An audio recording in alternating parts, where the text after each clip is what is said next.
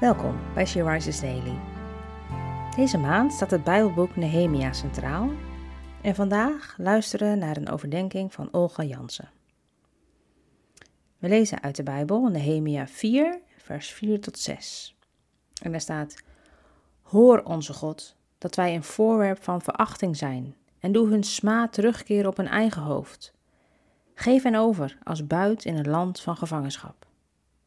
Bedek hun ongerechtigheid niet en laat hun zonde niet uitgewist worden van voor uw aangezicht, want ze hebben u getergd tegenover de bouwers.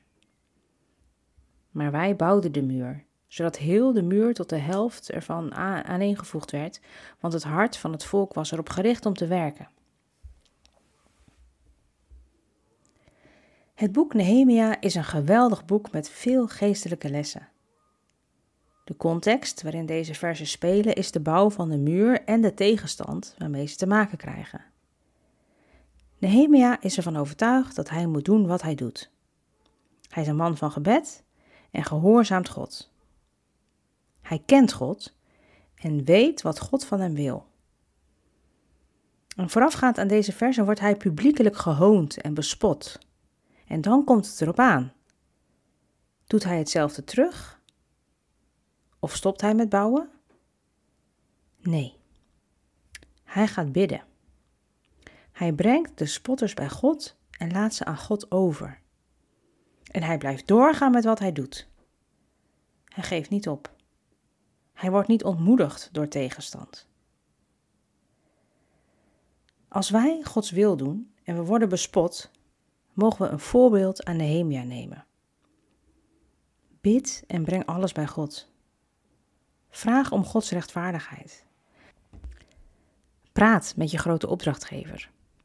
En haal niet je eigen recht. Doe niet hetzelfde terug. Bouw verder met je hele hart en verstand. Volhard in wat je doet. Geef niet op. Laat je niet ontmoedigen. Vertrouw op God en zijn plan. En dan zal Hij je zegenen. Hoe reageer jij als er tegenstand komt?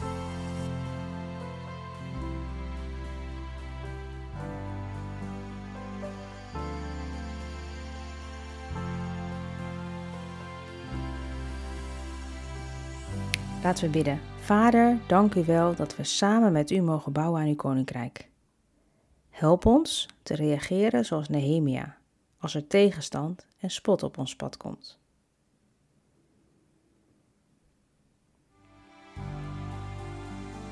Je luisterde naar een podcast van She Rises. She Rises is een platform dat vrouwen wil bemoedigen en inspireren in hun relatie met God. We zijn ervan overtuigd dat het Gods verlangen is dat alle vrouwen over de hele wereld Hem leren kennen. Kijk op www.she-rises.nl voor meer informatie.